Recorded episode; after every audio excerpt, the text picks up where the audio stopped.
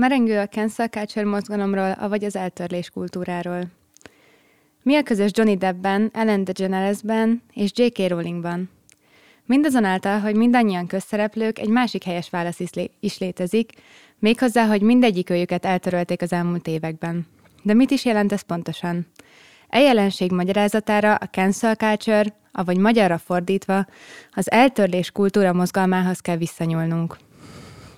A cancel culture a pszichológiai szempontból úgy értelmezhető, mint bizonyos személyek eltörlése a köztudatból, akik valamilyen módon megszekték a társas normákat.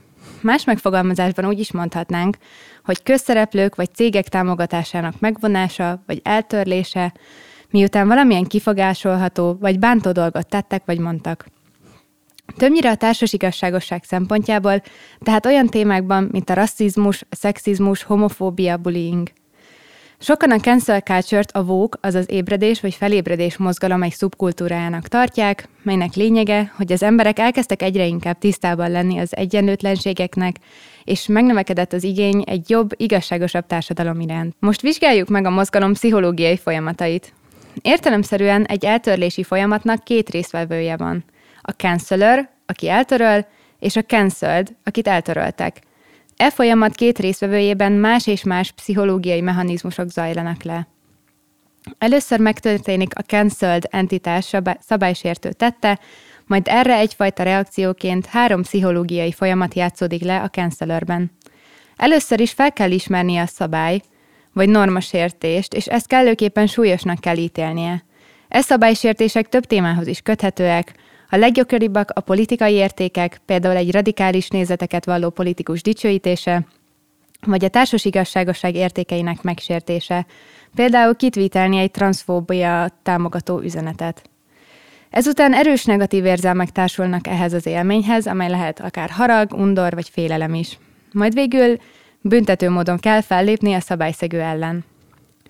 A cancel culture eredetére áttérve sokan a MeToo mozgalom terjedésével hozták összefüggésbe, mely során arra bíztattak embereket, hogy nyilvánosan fedjék fel a bántalmazóikat, akik akár nagyon magas pozícióban is lehettek.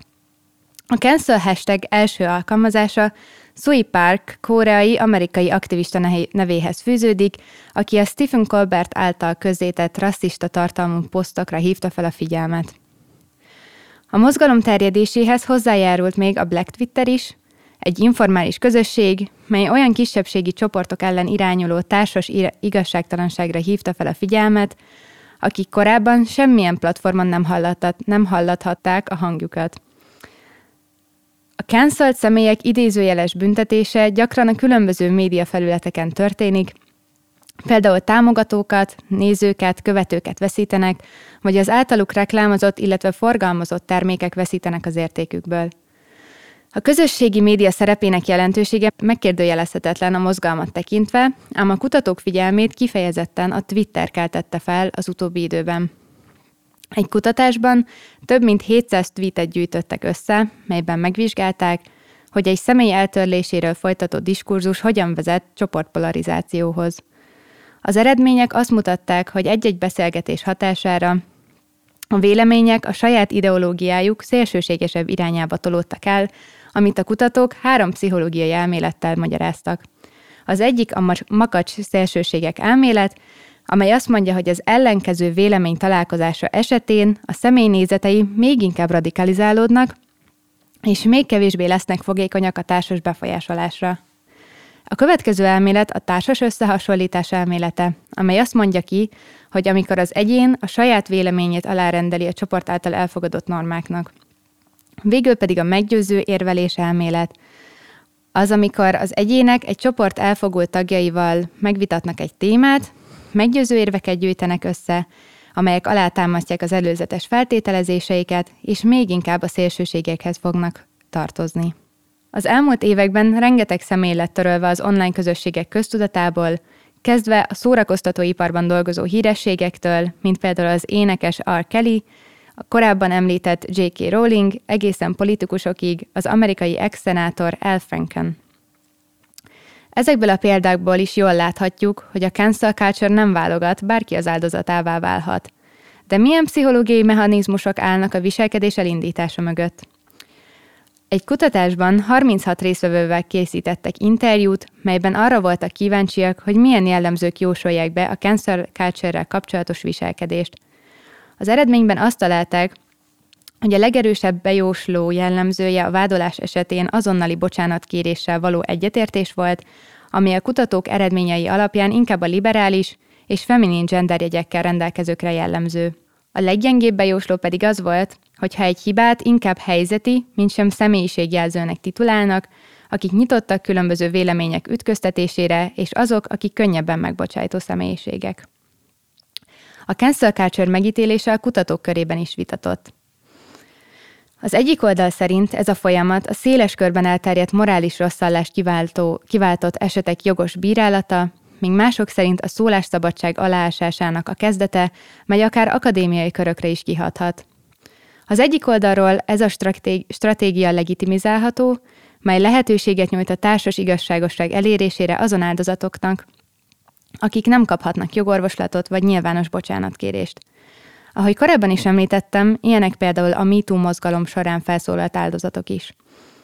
Egy következő példa a Black Lives Matter aktivistái, akik a közösségi média platformokon hívták fel a figyelmet rasszista megnyilvánulásokat tartalmazó könyvek íróira, afroamerikai közösségek ellen irányuló diszkriminációra, vagy privilégiumokat hirdető egyetemi tanszékekre.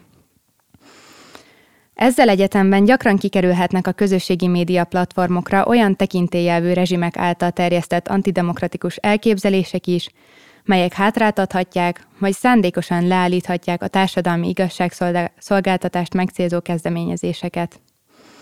Egy másik nézőpont szerint viszont túl messzire ment már ez a mozgalom, és veszélyezteti a klasszikus értelemben vett liberális értékeket, mint a kevésbé populáris vagy vitatott vélemények szabad kifejezése.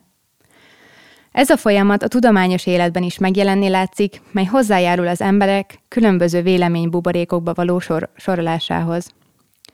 Ennek többek között olyan következményei lehetnek, mint a csoportgondol, mely során csoportok egyes, egyes tagjai hajlamosak elfogadni egy olyan nézetet vagy következtetést, amely egy észlelt csoport konszenzust képvisel, függetlenül attól, hogy a csoport tagjai érvényesnek, helyesnek vagy optimálisnak tartják-e. Ez a folyamat egyik közvetlen előzménye a csoportpolarizációnak, tehát a vélemények szélsőséges eszkalációjának. Nem csak a kutatók körében beszélhetünk megosztó jelenségről, de a közvéleményben is. Egy 2020-as kutatásban 10 amerikai embertől kérdezték meg, hogy ismerik-e a cancel culture mozgalmát, és ha igen, milyen véleménnyel vannak róla. A megkérdezettek 44%-a ismerte a jelenséget, ebből 49 szerint a mozgalom során jogosan vannak felelősségre elkövetőket, 14%-uk szerint a szólásszabadság megsértése, és 12% szerint csak mások online bántalmazása és megszégyenítése a cél. Még egy 2021-es kutatásban, melyet a Harvard Egyetemen végeztek, a megkérdezettek 64%-a szerint veszélyes az egyre terjedő cancel culture mozgalom. Végül egy pár szóban még beszélnék a terminus mai álláspontjáról. A cancel culture-t ért kritikák következtében ma már inkább a change culture, azaz a változás kultúrája, vagy consequence culture, azaz következménykultúra kifejezések használatát javasolják. Újabb terminusok teljesen más konnotációval bírnak. Míg a cancel culture egy adott nézőpont hangoztatására fókuszál, addig a consequence culture a véleményt nyilvánító emberek felelősségvállalását hangsúlyozza, származzon az bármilyen nézőpontból.